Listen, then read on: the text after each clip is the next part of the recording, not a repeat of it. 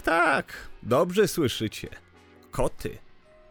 Konrad Korgosiński, I Piotr Maszorek. Miau! a to jest ten podcast filmowy. Nie wiem, czy skumałeś, ale ja teraz zniknąłem. Skumałem, skumałem. Super. Fantastyczne, no. Skumałem to tak samo jak w filmie Koty. Dobrze.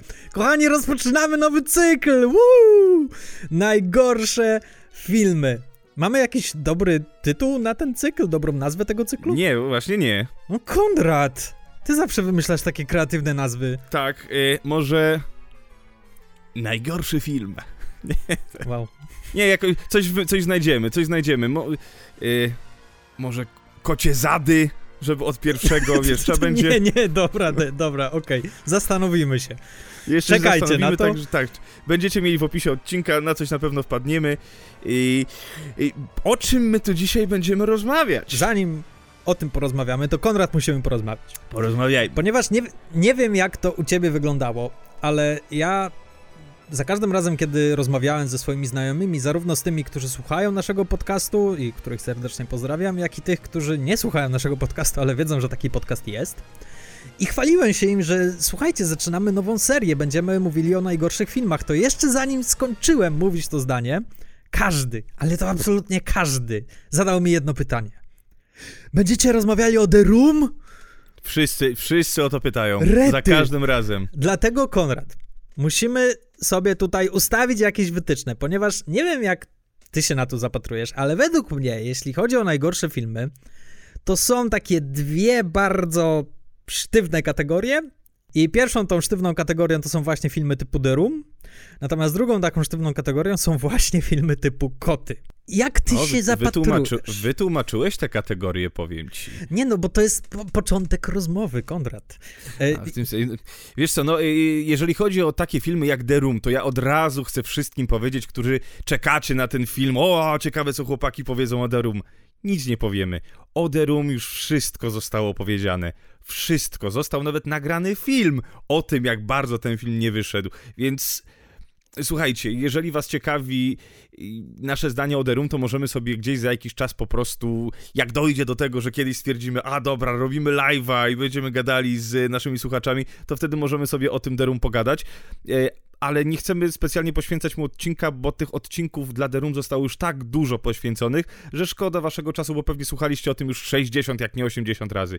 Więc y, skupmy się na tych filmach, które również zasługują na to, żeby dostać po łapach. No wiesz, no tutaj nie do końca się z tą zgodzę, ponieważ o kotach też już bardzo dużo zostało powiedziane, e, a koty miały znacznie mniej czasu na to, aby być przedyskutowane, a mimo wszystko śmiem twierdzić, że ilość analiz i analiz, dobra, przepraszam, to za dużo powiedziane. Ilość błota e, wylanego na koty jest równie wielka jak na The Room, ale jest inna różnica pomiędzy tymi filmami. The Room to jest film, który został zrobiony przez niekompetentnych ludzi. To są ludzie, którzy nie byli w szkole filmowej, nie, nie zdobywali y, doświadczenia na planach filmowych, którzy... To byli- jest kino, ama, film amatorski. tak, film amatorski zrobiony za jakieś tam pieniądze, skąd oni te pieniądze wzięli, tajemnica nie do wyjaśnienia.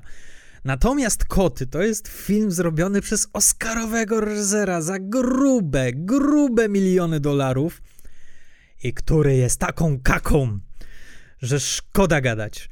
100 milionów dolarów. 100 milionów dolarów. Tom Hopper, który jest tutaj odpowiedzialny, który podpisuje się swoim nazwiskiem pod tym filmem, zresztą walczył o ten film jak lew od wielu lat i marzył o tym, żeby, żeby ten film powstał. Udało mu się zatrudnić naprawdę głośne nazwiska do tego filmu, takie jak Taylor Swift, Idris Elba, y, Judy Dench. Judy Dench Ian, McKellen. Ian McKellen. Także naprawdę, kurde, kurde. Poza tym to jest, to są koty. Czym są w ogóle koty?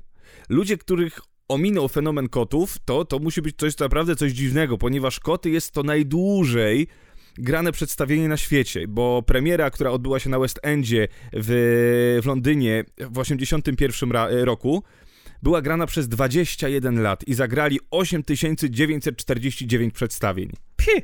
Pi? pi? I ca- potem to oczywiście było wzięte na Broadway, yy, przez co cały świat te, z tymi kotami mógł się poznać. W Polsce, w Romie również były grane koty przez rok yy, bodajże. I Nie rzeczywiście mo- mo mogliśmy się z tymi kotami bliżej zapoznać. Tym bardziej, że każdy zna chociaż jeden utwór z kotów. Ja znałem jeden utwór z kotów, dokładnie Właśnie jeden. Memory, Tak. e, który po prostu był utworem radiowym, dlatego go znaliśmy.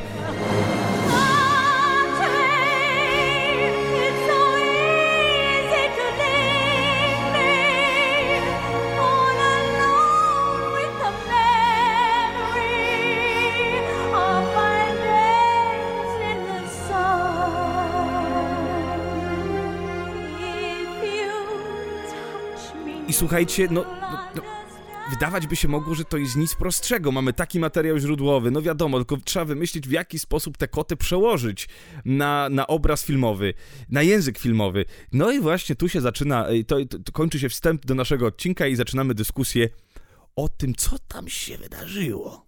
Czy mogę dać opis filmu? A bardzo cię proszę. Dobra, Ja uwaga. uwielbiam twoje opisy. Dzięk... Ta, jasne.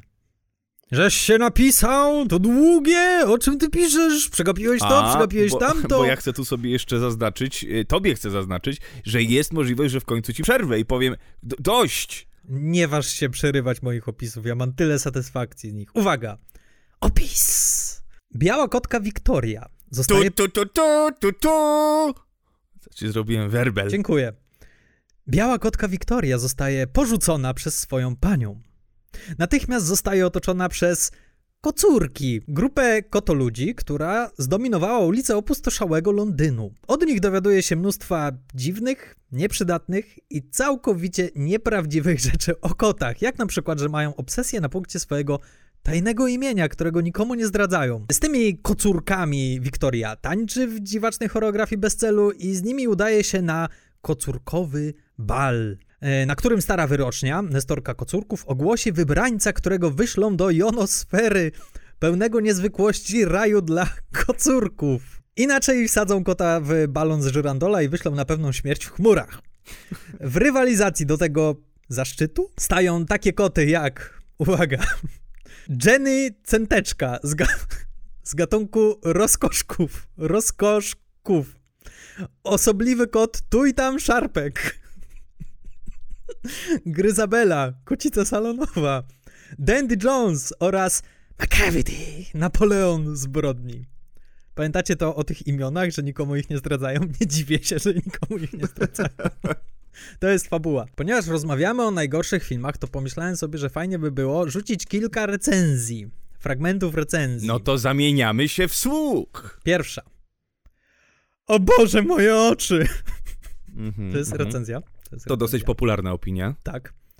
Druga, moja ulubiona. Poczułam, jak gaśnie we mnie światło. Teraz takie bardziej rzetelne. O, to jest dosyć dołująca. Po pierwsze, nie jestem kociarzem. Po drugie, po obejrzeniu tej przerażającej ekranizacji musicalu Webera, nie jestem pewny, czy jestem dalej fanem kina. I jeszcze jedna.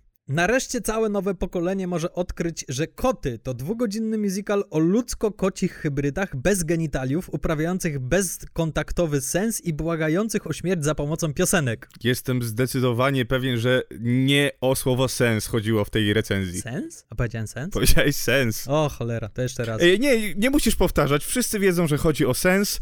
E, także chodźmy dalej. No słuchajcie, tak e, bardzo e, znienawidzonego i zmieszanego z błotem filmu już dawno nie było w naszych kinach, a ten film był w kinach e, u nas w grudniu, jeśli dobrze pamiętam, czy w styczniu, w styczniu, to był zakładany hit na święta. Tak, e, ja muszę się przyznać, że byłem w kinie i muszę przyznać, że była całkiem pełna sala, a to nie był jakiś seans w weekend premiery, to było jakoś w środku tygodnia. Byłem w szoku, że tyle osób przyszło na koty.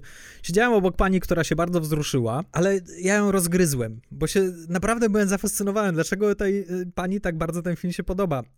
I na tym ostatnim monodramie Judy Dench, pod sam koniec tego filmu, e, kiedy Judy Dench opowiada, czym są Że koty. koty to nie psy. To nie psy i to jest przesłanie tego filmu, jeśli ktoś się zastanawiał. Ta pani siedziała obok mnie i tak kiwała głową z pełnym zrozumieniem i ja wreszcie zrozumiałem, a, kociara.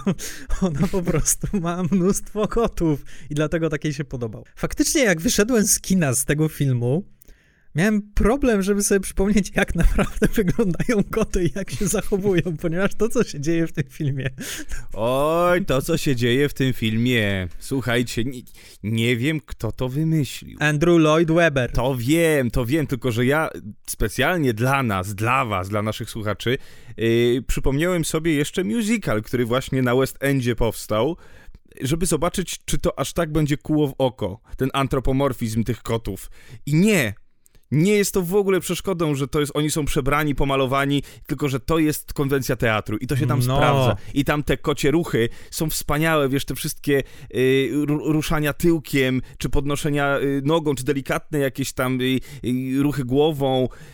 To, to się sprawdza. Jednak jak robi to za nas komputer i cały czas jesteśmy podwieszeni na linach i jest to tak nienaturalne, to o.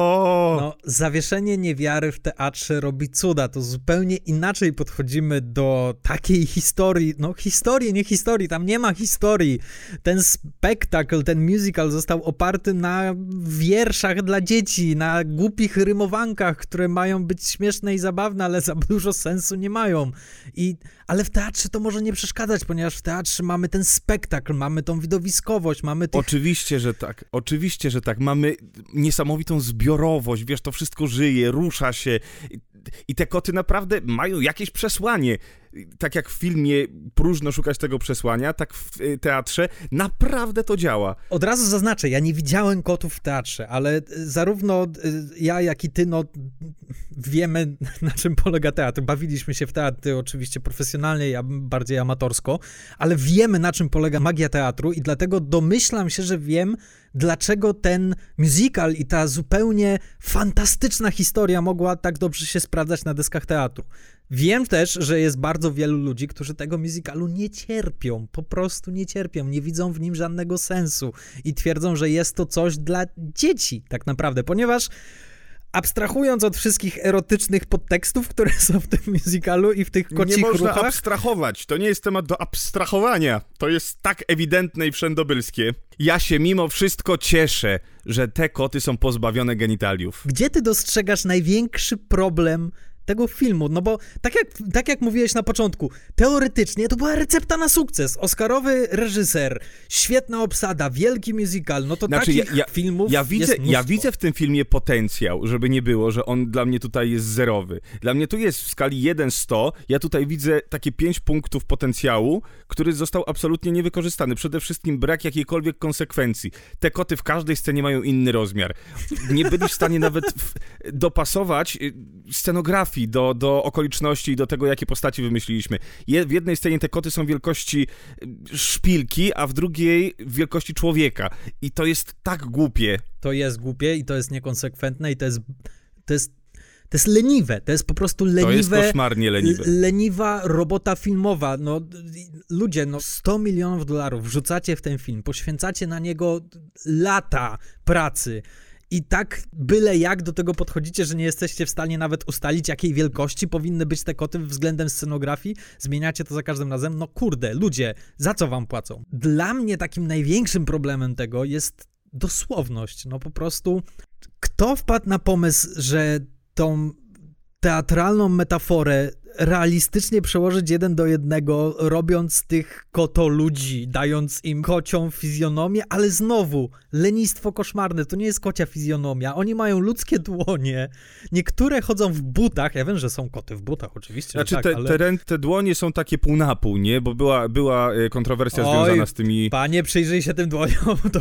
Ja wiem, wiem, ale, ale one są poprawione. Ja nie wiem, czy ty słyszałeś. Ale nie zmienia to faktu, że dalej to jest pięć palców. Jest pięć palców, ale mimo wszystko poprawione pięć palców, bo na początku te pięć palców było pięcioma palcami, ale totalnie prywatnymi, bez sierści, tylko były gołe dłonie i jeszcze w ogóle była wycofana wersja. Na początku w amerykańskich kinach weszła wersja kotów, która została wyjęta z kina i zostało to na cito poprawione, bo na przykład y, ręka Judy Dench, zapomnieli jej, jej pierścionek zaręczynowy zdjąć z dłoni. Znowu, I, i wiesz, i takie rzeczy. Totalne lenistwo wiesz, pominięcie jakichś takich podstawowych rzeczy i tu też przechodzimy do, do kluczy i do tej animacji. Co to się wydarzyło? No, wydarzyło się to, że wymarzyli sobie perfekcyjną, nie wiem, w jakimś założeniu realistyczną animację e, futra i, i, i, i ogonów i uszów, po czym nie dali ani czasu, ani środków finansowych do tego, aby zrobić to dobrze. W tej samej technologii, czyli w technologii motion capture, powstawał Avatar. I ta technologia polega na tym, że aktorzy w takich czarnych y, kombinezonach obcisłych z takimi śmiesznymi kropkami wchodzą do pustego studia i tam są kamery, które szczytują wszystkie ich ruchy i następnie te ruchy zostają przełożone na postacie komputerowe. I w założeniu dokładnie tak miały być także nakręcone koty. Tylko, że problem polegał na tym, że Tom Hooper, genialny Oscarowy reżyser, powiedział nie, bo to będzie śmieszne. Ja nie chcę krępować ruchów aktorów, czyli po prostu niech oni sobie wejdą do tej motion capture, do tego studia, tylko że nie umieszczajmy tych kropek na ich kombinezonach.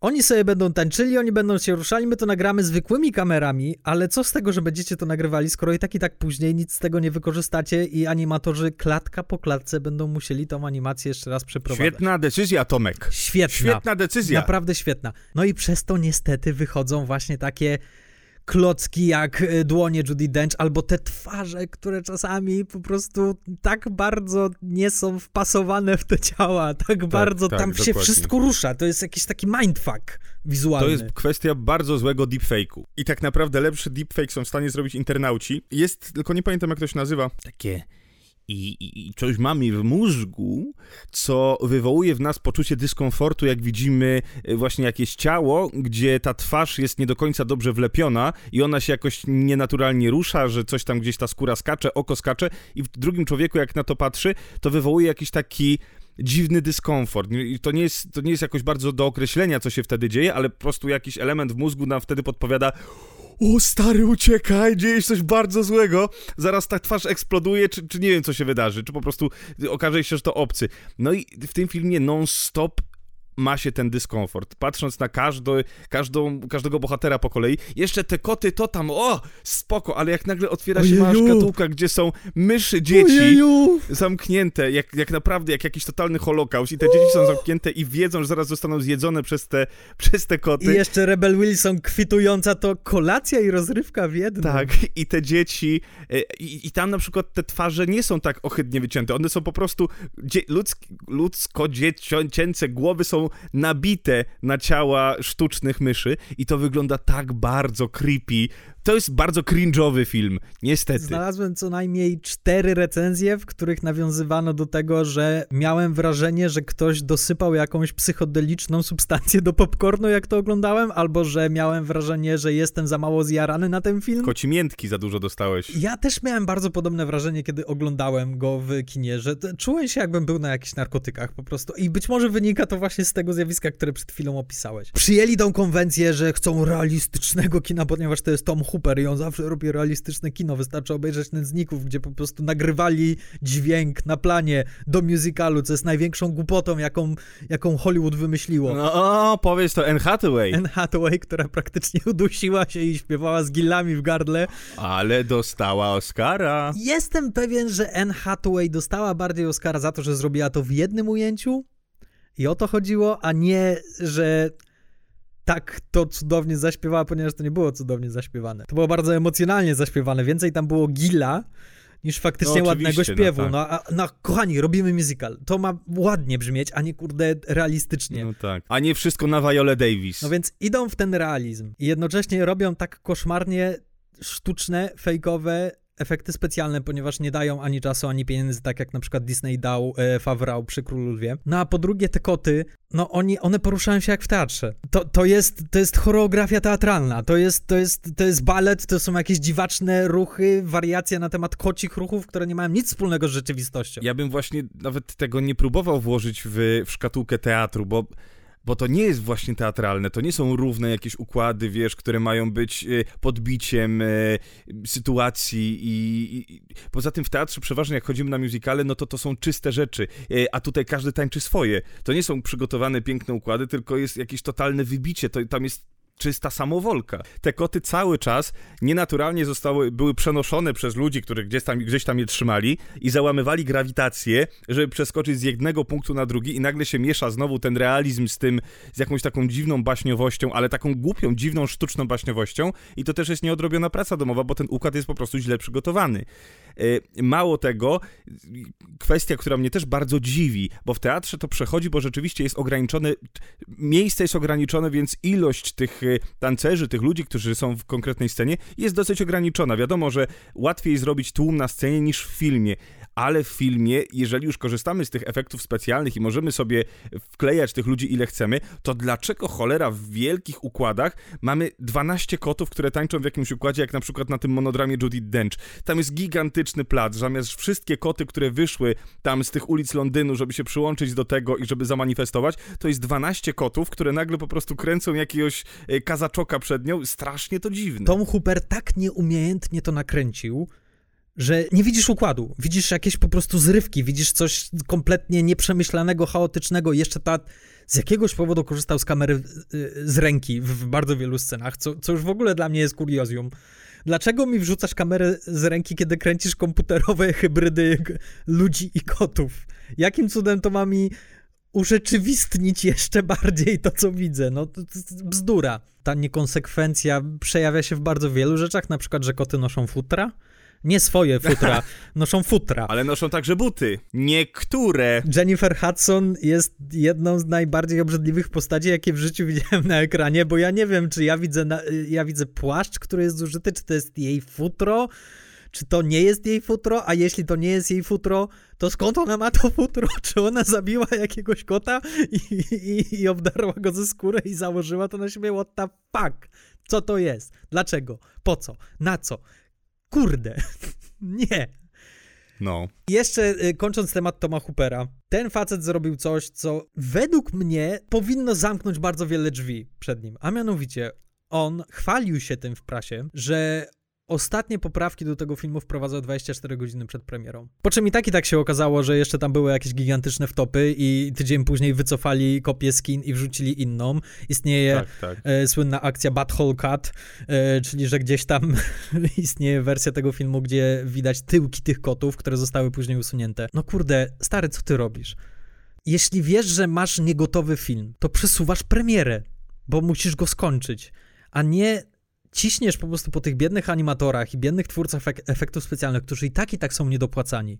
I tak i tak robią nadgodziny i terają i nie dostaną za to żadnej większej kasy. Tak bardzo nie lubiłem tego faceta po, po tym filmie. Już wcześniej go nie lubiłem, ale teraz to po prostu dla mnie całkowicie przegiął i mam nadzieję, że będzie miał spory problem, żeby robić kolejne wielkie swoje widzimisię z dużym budżetem, ponieważ to jest po prostu nieodpowiedzialny facet. Leniwy facet, facet, który nie umie robić muzykali, ani nędznicy, ani koty, to nie są dobre muzykale filmowe. Są fatalnie nakręcone. E, no, ale z tymi nędznikami to aż tak się z tobą nie zgodzę, bo tam była wykonana praca i to ciężka praca. I to trzeba przyznać. Tam to się sprawdza. Co? Aż tak nie można po nędznikach pojechać, że to jest aż tak zły film. Ale co nie... się sprawdza? Znaczy, dla mnie akurat ta konwencja musicalów w, w Nędznikach to, to mi, to mi gra. W sensie to nie jest y, film, którego ja nie lubię, który by trafił na, do nas na, na, na do nowego cyklu, na, na, do nieudanych filmów i do wielkich popelin. Ja na przykład nie mam z tym filmu takiego problemu. Ja mam. ja mam. Nie lubię tego stylu, w którym on to nakręcił. Jest dziwaczny, ten właśnie ten realizm, ta groteska w tym wszystkim. Zupełnie mi się to kłóci z tą muzyką i, i z koncepcją tego musicalu. Po prostu jakoś nie. Ale dobra, nie rozmawiam, nie rozmawiamy o tym. Rozumiem, jasne. Przejdźmy do aktorów w takim razie. Bardzo proszę. Od kogo byś chciał zacząć w takim razie. Od naszej głównej aktorki, która dopiero, e, to był jej pierwszy, to był jej debiut filmowy. Zacznijmy od niej, ponieważ jest mi jej bardzo żal. Czyli Francesca Hayward, która jest... Prima ballerino. Ojejku, tak bardzo mi było jej żal, ponieważ ona tak bardzo się tam starała i jest taka fajna, niewinna, e, dokładnie taka, jaka ta rola e, powinna być, no tylko, że ona tam nie ma co grać. No nie ma, nie ma, bo to też jest taka rola, która za bardzo nie ma nic do, do powiedzenia, to jest tylko jakby, w ogóle ten film też taki jest, że ten film nie ma jakiegoś, jakiejś linearnej narracji, fabuły, tylko przechodzimy z punktu A do punktu B i poznajemy kolejne postaci e, i to jest przegląd postaci i przez tę naszą właśnie Franceskę, Wiktorię, przepraszam, przez naszą Wiktorię. Y, w tym filmie akurat tak jest, że poznajemy, w musicalu jest to zupełnie inaczej przedstawione, bo tam nie mamy takiego nośnika, chodź, chodź, chodź, teraz się przedstawię temu, tylko po prostu wchodzą kolejni bohaterowie i, i, i akcja się dzieje i żyje. W musicalu możesz śpiewać do publiczności i publiczność jest tym bohaterem. W filmie za bardzo Oczywiście. aż takiego łamania czwartej ściany no, nie da rady zrobić, chociaż i tak i tak to zrobili pod koniec tego filmu, czyli nie wiem po co się w ogóle ograniczali. Ale ja nie mogę powiedzieć, żeby ona była koszmarna, bo, bo rzeczywiście ona przynajmniej była konsekwentna, w tym nie kłamała jakoś Tak, specjalnie i wydaje mi się, że to jest akurat, akurat jak na ten film, to jest całkiem niezła i przynajmniej dosyć szlachetna rola. Zgadzam się, tylko mówię o tym w kontekście tego, że no, zagrała główną rolę w kotach, a to może być No tak, wyrok y, dla jej kariery. Może przejdźmy do teraz do aktora, który ani razu w tym filmie nie zrobił czyli do Judy Dench. E... Nie, przepraszam, po prostu za każdym razem, jak widziałem Jennifer Hudson albo Adrisa Elbe, którzy grają nie wiadomo co i po czym kończą scenę robiąc to, Tak było. to jest bezcenne, naprawdę. Nie, jak często możesz zobaczyć oscarową aktorkę, która syczy na drugiego aktora? Judy Dench. Judy Dench, aktorka, która miała zagrać na West Endzie i miała zagrać Grisabelle, czyli miała zagrać w Memorial, niestety na jakiejś próbie generalnej, czy na którejś próbie chwilę przed spektaklem, przed premierą e, skręciła sobie kostkę i musieli ją zastąpić i ostatecznie nie zagrała w tych kotach w, w tych latach 80 tak teraz wróciło to do niej i zagrała nie Grisabelle, tylko zagrała Nestorkę. No i co? No i nagle pojawia się Judy Dench, która coś tak ci powiem, że z tym śpiewem to tak troszkę na bakier. A ona przecież była w 9 Roba Marszala i bardzo dobrze tam sobie poradziła w swojej piosence. No, ale to było już 9 lat A, temu co najmniej. tak, już, już, już. I, I tutaj jest ten, ten, ta sama sytuacja, czyli przychodzi kot, który jest w futrze i to jest przykład kota, który odkrywa, że ma sierść pod, pod futrem i to jest też bardzo ciekawe.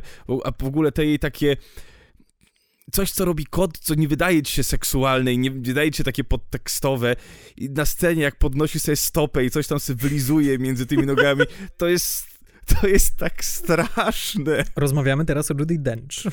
Rozmawiamy o Judy Dench, o wielkiej damie brytyjskiego aktorstwa.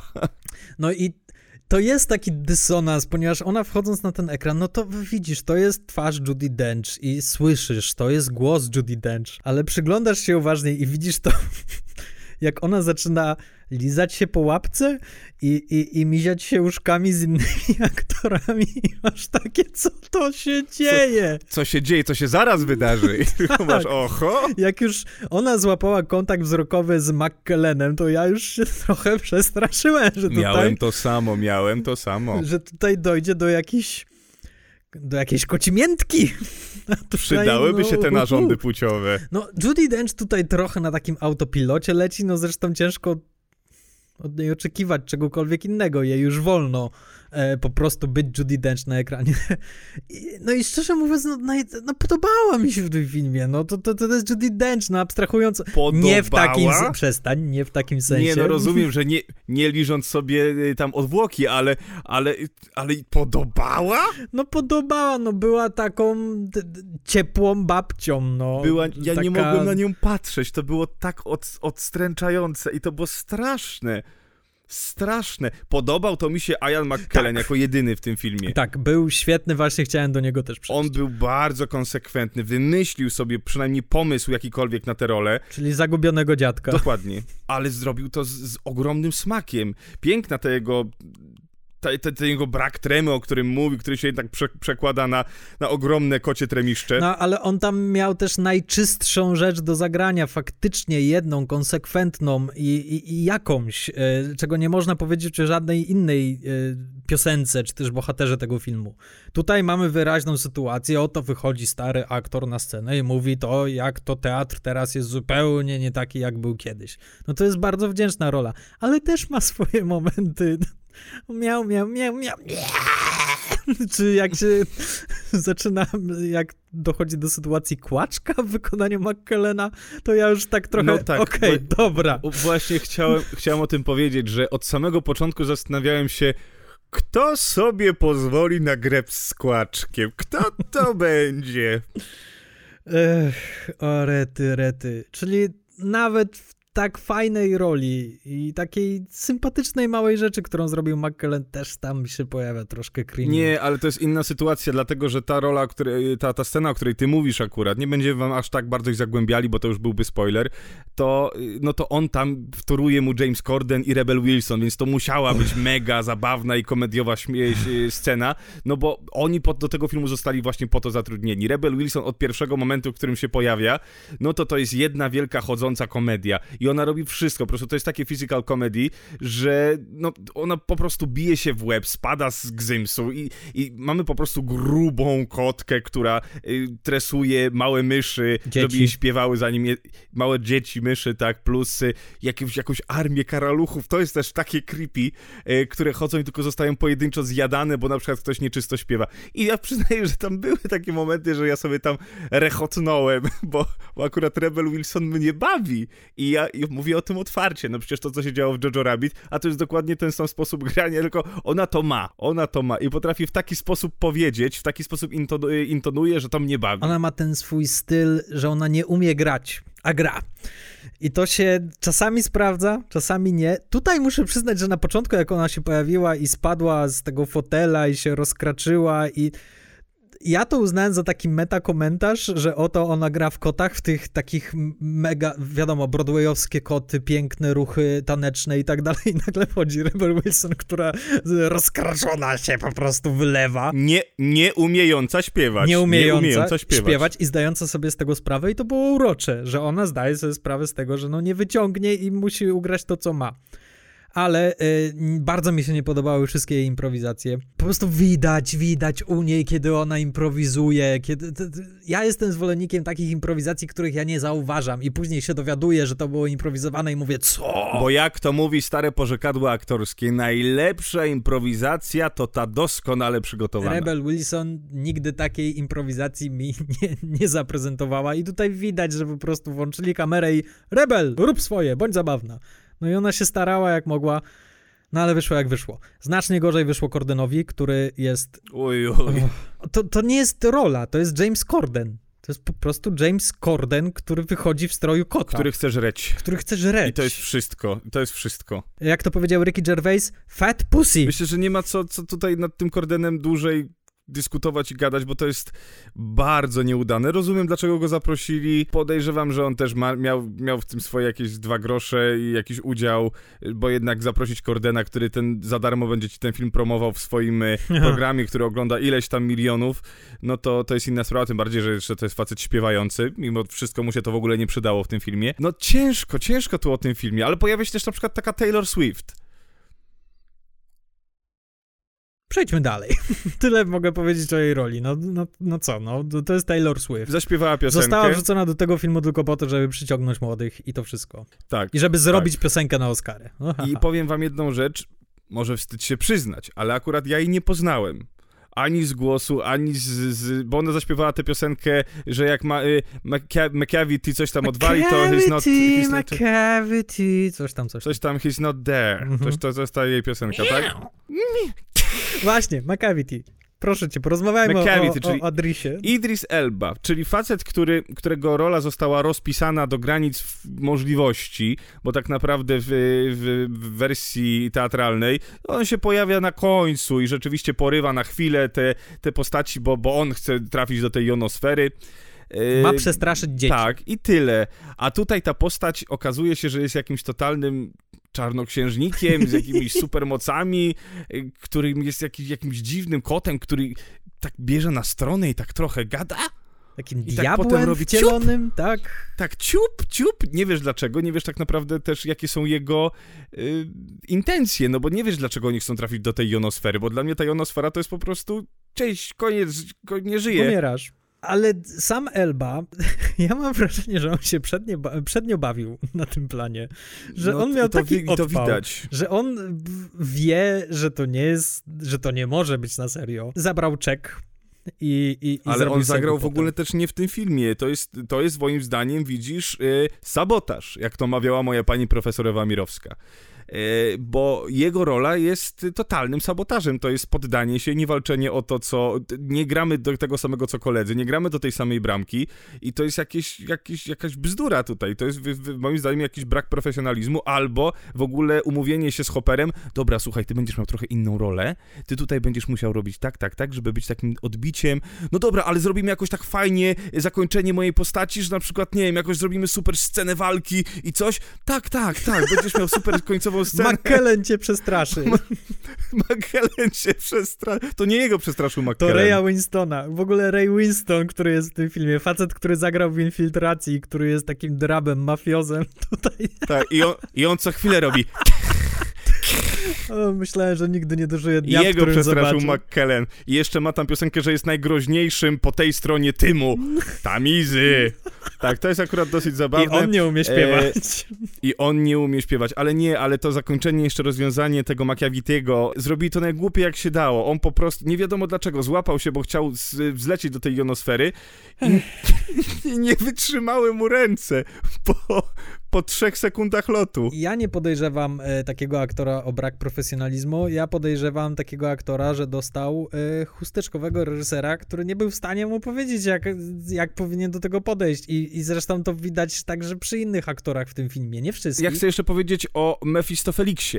A, zapomniałem o nim, bardzo go lubię. Bo to jest w ogóle bardzo ciekawa rola, bardzo dobra rola w tym filmie i ona jest naprawdę, to jest bardzo konsekwentna rola. On gra tego magicznego kota e, i ta piosenka e, że wszyscy w niego wierzą, to była rzeczywiście jedyny moment w tym filmie, gdzie ja złapali moją uwagę i ja zostałem na cały ten jego fragment w skupieniu i nawet tak powiem ci, że troszkę mi to serce ruszyło. Mhm. Tak, to jest, to jest bardzo urocza rola, zgadzam się z tobą, bo to, to jest fajny duet. To byłby fajny duet, dobrze, gdyby mieli dobrego reżysera, który by ich dobrze poprowadził, właśnie ta Wiktoria i właśnie e, Mephistofelix. Mephistofelix no to to byłby bardzo uroczy duet, który, który ma, tak, miał, tak. była chemia między nimi, mieli potencjał do tego, żeby przeprowadzić przez ten film i, i jakoś, żeby byli ci bohaterowie, na których ci zależy. No niestety y, nie, zostali zepchnięci, po prostu zostali zepchnięci przez te wszystkie gwiazdy, które wyskakują na te swoje one-man showy i, i tak naprawdę nie wiesz, o czym to jest. Ale zgadzam się z tą, że to jest przeurocza rola, E, I szkoda. Dobrze, została nam jeszcze jedna, ta najważniejsza. Jennifer. Jennifer, która szła po Oscara.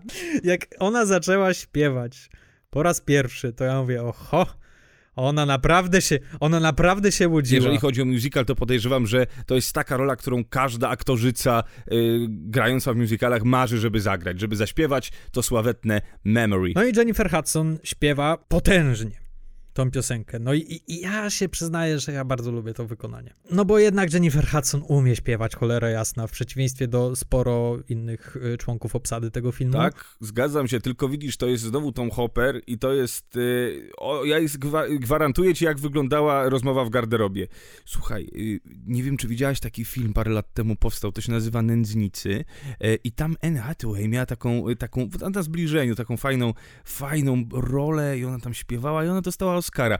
Y, w aktorstwie nazywamy tę metodę permanentnym gaggingiem, więc jakbyś mogła to zaproponować tutaj, to by było coś wspaniałego.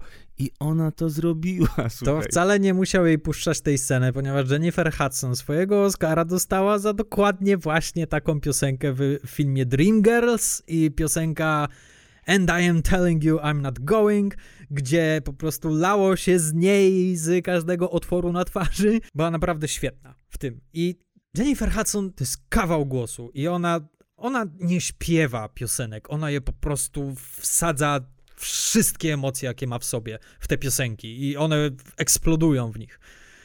Problem polega na tym, że ona wygląda jak kot, kiedy to śpiewa. Ale o taki ob obeszczany, obszczymur kot i to jeszcze jakiś taki właśnie z tym y, deepfake'iem, obrzydliwe to, y, wygląda obrzydliwie. To Mimo, że to pięknej kobiety, to jest y, przez to, co animatorzy popełnili z tymi aktorami, to, to zasługuje nie na Oscara, na więzienie. Ja tu nie winię animatorów, a oni tylko robili, co im kazali. No oczywiście, że tak, ale tam, tam naprawdę, jak to też wrócę do mojej pani profesor ze, ze studiów, pani Ewy Mirowskiej, profesor Ewy Mirowskiej, oni powinni dostać zakaz wykonywania zawodu Tom Hooper powinien dostać taki zakaz, ponieważ to, wszyscy, wszystko cała to ta jego... techniczna, bo, bo oni się na to zgodzili. Powinni powiedzieć, Tomek, ja ci dam. Ja ci, albo mu żartem pokazać. Zobacz, zobacz, tak chcę, żeby to wyglądało. Słuchaj, to jest facet, który ma Oscara w kieszeni. Z nim się nie dyskutuje. On robi. Wytwórnia Universal chciała zrobić ten film. A wiesz dlaczego chcieli zrobić ten film? Ponieważ wyszedł Greatest Showman, król rozrywki. Król rozrywki, oczywiście. Właśnie. I to był gigantyczny hicior. I znowu się okazało, że musicale mogą zarabiać duże pieniądze. I, y, był też La La Land. No i oczywiście Universal stwierdził, hmm, musimy zrobić musical. No to wzięli te koty, do których mieli prawa, poszli do Toma Hoopera, ponieważ on umie w Oscarowe musicale, nie umie w ogóle, no i kurde pozwolili mu na wszystko. Ja winię po prostu to, że oni chcieli dużo kasy zarobić na No jasne, Oscar, tak. Se zarobili na malinach. No i, i w ogóle sobie nie zarobili. Ten film ile, ile przyniósł strat? E, no, zarobili 75 milionów, więc 25 milionów w plecy. Znaczy wiesz, 100 milionów to jest, to jest budżet, ale nie jest to wliczony budżet e, reklamowy, więc no stracili dużo więcej. No ale po, bo ja może powiem ci, co ja bym chciał. Jakby to mogło być. I dlaczego tak nie było. Ja mam dwie drogi. Albo robimy nie kocia, tylko ludzie. I ludzie zrozumieją, że to jest historia kocia, że tylko, że śpiewana przez, przez po prostu biednych ludzi, czy tam jakichkolwiek ludzi, że wymyślić na to y, okoliczności, ale że to śpiewa człowiek, a nie kot. I to będzie dużo ciekawsze i będzie to miało dużo więcej emocji, jakby zrobić takie bidy i tylko umowność, że to są koty, albo żeby to zrobić animowane. Tak. Niech to będą koty. Bez ludzkich twarzy. Taki był na początku plan. Steven Spielberg miał e, produkować animację na podstawie kotów, ale nigdy nie, jakoś to nie doszło do skutku. I faktycznie w animacji to by się sprawdziło bardzo dobrze. E, ja jeszcze mam jeden pomysł, jak mogłoby się to sprawdzić i co mogłoby Nie robić wyjść. tego. Wypuśćcie mi ten materiał, który nagraliście na planie. Tą surową wersję z tymi ludźmi w tych półkostiumach, y, w scenografii, ponieważ oni wybudowali scenografię, w których kręcili, którą później takie tak wywalili i zastąpili grafiką komputerową. Wypuśćcie mi to. Jestem pewien, że to będzie 10 razy lepsze od tego filmu. Oczywiście, że tak, bo przynajmniej będzie z dystansem, z poczuciem humoru, będą się potykali, będą... To, to będzie ciekawe. To nie będzie zasłonięte tym całym y, dwu i półtonowym, y, dwu i półtonową niedokładną i brzydką, ohydną animacją komputerową. Która odciąga od, uwagę od tego, co robią aktorzy, a jednak oni coś tam robili, starali się i, i jestem pewien, że jakbyśmy zobaczyli tą wersję, byśmy troszkę więcej szacunku nabrali do ich pracy i do tego, co próbowali osiągnąć. Albo wrzućcie nam tę wersję, gdzie widzimy e, odbyty kocie, to wtedy przynajmniej dacie nam odrobinę dystansu do tego filmu i będziemy wiedzieli o, ha, ha, ha, o dupa. To mam drugi pomysł też. A mianowicie dajcie to Bazowi Lermanowi. I on by z tego zrobił taki odpał i taki, taką fazę. No, ale to 10 lat trzeba by czekać. Ta cała piosenka Taylor Swift to jest Baz Lerman. To jest nieudolny styl Baza Lermana, y, który Hooper próbuje nagle wstrzyknąć do tego filmu. Gdyby całość zrobił Lerman i zrobił taki takie Moulin Rouge razy 50, tylko że z kotami, to mogłoby się obronić i to mogłoby być zabawa i to mogłoby być wyzwalające, tak jak y, jest to wyzwalające w teatrze dla widzów. Czyli co, jak to podsumować? Ja mam jedno zdanie podsumowujące. Błagam Hollywood, nie róbcie Hamiltona. O tym samym pomyślałem, jak oglądałem y, koty, że Boże święty, co będzie, jeżeli oni wezmą, wezmą Hamiltona? No. Jest ta rejestracja na Disney Plus, może kiedyś się jej doczekamy w Polsce. Zostańcie na tym. Tylko, że boję się jednej rzeczy, że jak w przyszłym roku pojawi się In the Heights, który ma szansę być dobrym musicalem, ponieważ to jest bardziej wdzięczny temat na ekranizację. I jeśli In the Heights będzie wielkim hitem, gwarantuję ci, że następnego dnia rozdzwonią się telefony w Disneyu i że już ruszy pełny... Robimy Hamiltona! Tak, robimy, nieważne, niech się dzieje co się chce. No tak, tu masz rację, In the Heights jest bardziej... Y, podejrzewam, że tak będzie, przypominające West Side Story, więc łatwiej to przełożyć, a, a ten Hamilton to jednak jest film historyczny, w sensie y, y, musical historyczny, więc przełożenie go i nagle śpiewający y, Aaron Burr i, i Hamilton we wszystkich swoich dyskusjach, to bardzo... Znaczy, jeżeli wpadą na jakiś fajny pomysł, dlaczego nie? Ale Hamiltona można. Dobra, nie rozmawiam o Hamiltonie, ale Hamiltona Tak. można zrobić w ten sposób, że możesz zrobić świetny film historyczny. Nie rób tego musicalu. Nie przekładajcie tego na język filmu, bo nie przełożycie. Nie dacie rady. To padnie tak jak koty. no to tyle na dzisiaj. Ja wam polecam ten film, ponieważ to jest doświadczenie, jakiego nie, nigdzie indziej nie będziecie w stanie powtórzyć. To prawda. To jest rzecz, której nigdy nie widzieliście i obyście nigdy więcej nie zobaczyli. O to chyba nie musimy się martwić. to mam wrażenie, że całe Hollywood w tym momencie wstrzymało jakiekolwiek plany robienia podobnych rzeczy. Ale tak, rzeczywiście ten film jest długi, bo jest za długi, bo e, trwa dwie godziny i jest męczący w swojej formie, e, jest bardzo powtarzalny i on w ogóle nie, nie następuje w nim gradacja, więc wynudzicie się. Ja go oglądałem na 17 razy, bo próbowałem przeskakiwać, po każdej piosence robiłem sobie przerwę i musiałem odtajać, musiałem polać głowę zimną wodą, aczkolwiek zobaczcie, obejrzyjcie w wolnej chwili i dajcie nam znać, co myślicie. Tak, bawcie się dobrze. Jeśli natomiast nie chcecie się wystawiać na aż na taką torturę wizualną, to jest też dostępna wersja y, rejestracja broadwayowskiego musicalu i jeśli po prostu chcecie zobaczyć, o co w tych kotach chodzi i czemu się zachwycają, to obejrzyjcie sobie to, bo jestem pewien, że to jest lepsze. Nie wiem, czy broadwayowskiego, czy, czy, czy West End. Y, ja polecam oryginał, czyli właśnie West Endową wersję, y, która powstała wcześniej, ale jest też, no, ma, wydaje mi się, troszkę więcej serca. Dobrze, Konrad, dziękuję ci bardzo za to, że, że poświęciłeś swój gust i swoje gałki oczne i obejrzałeś ten horror, ten koszmar senny. No, akurat dobrze, że y, rozmawiamy o kotach na koniec tego miesiąca, bo y, powolutku będziemy wchodzili w listopad, który będzie miesiącem horroru, więc to będzie taki dobry aperitif. Tak, e, dobra przystawka. Entrée. Takie body horror. Słuchaj, no nikt mi nie odda tego czasu, który poświęciłem na obejrzenie kotów, ale cieszę się, że to zrobiłem, bo mogliśmy o tym porozmawiać. Bardzo mi miło, bardzo y, przyjemna rozmowa, jak na pierwszy odcinek, który ma zrugać film od góry do dołu, to jestem całkiem ukontentowany. Tak, też nieźle się bawiłem na tej rozmowie, nie, na filmie tak nie, niekoniecznie. E, dziękuję Ci bardzo za tą dobrą zabawę, no i nie mogę się doczekać następnego rantu. Roastu, następnego roastu, jakiego rantu? Następnego rantu stołu, jak będziesz pijany wracał do domu. Dobra, do usłyszenia, trzymajcie się Do kochani. usłyszenia.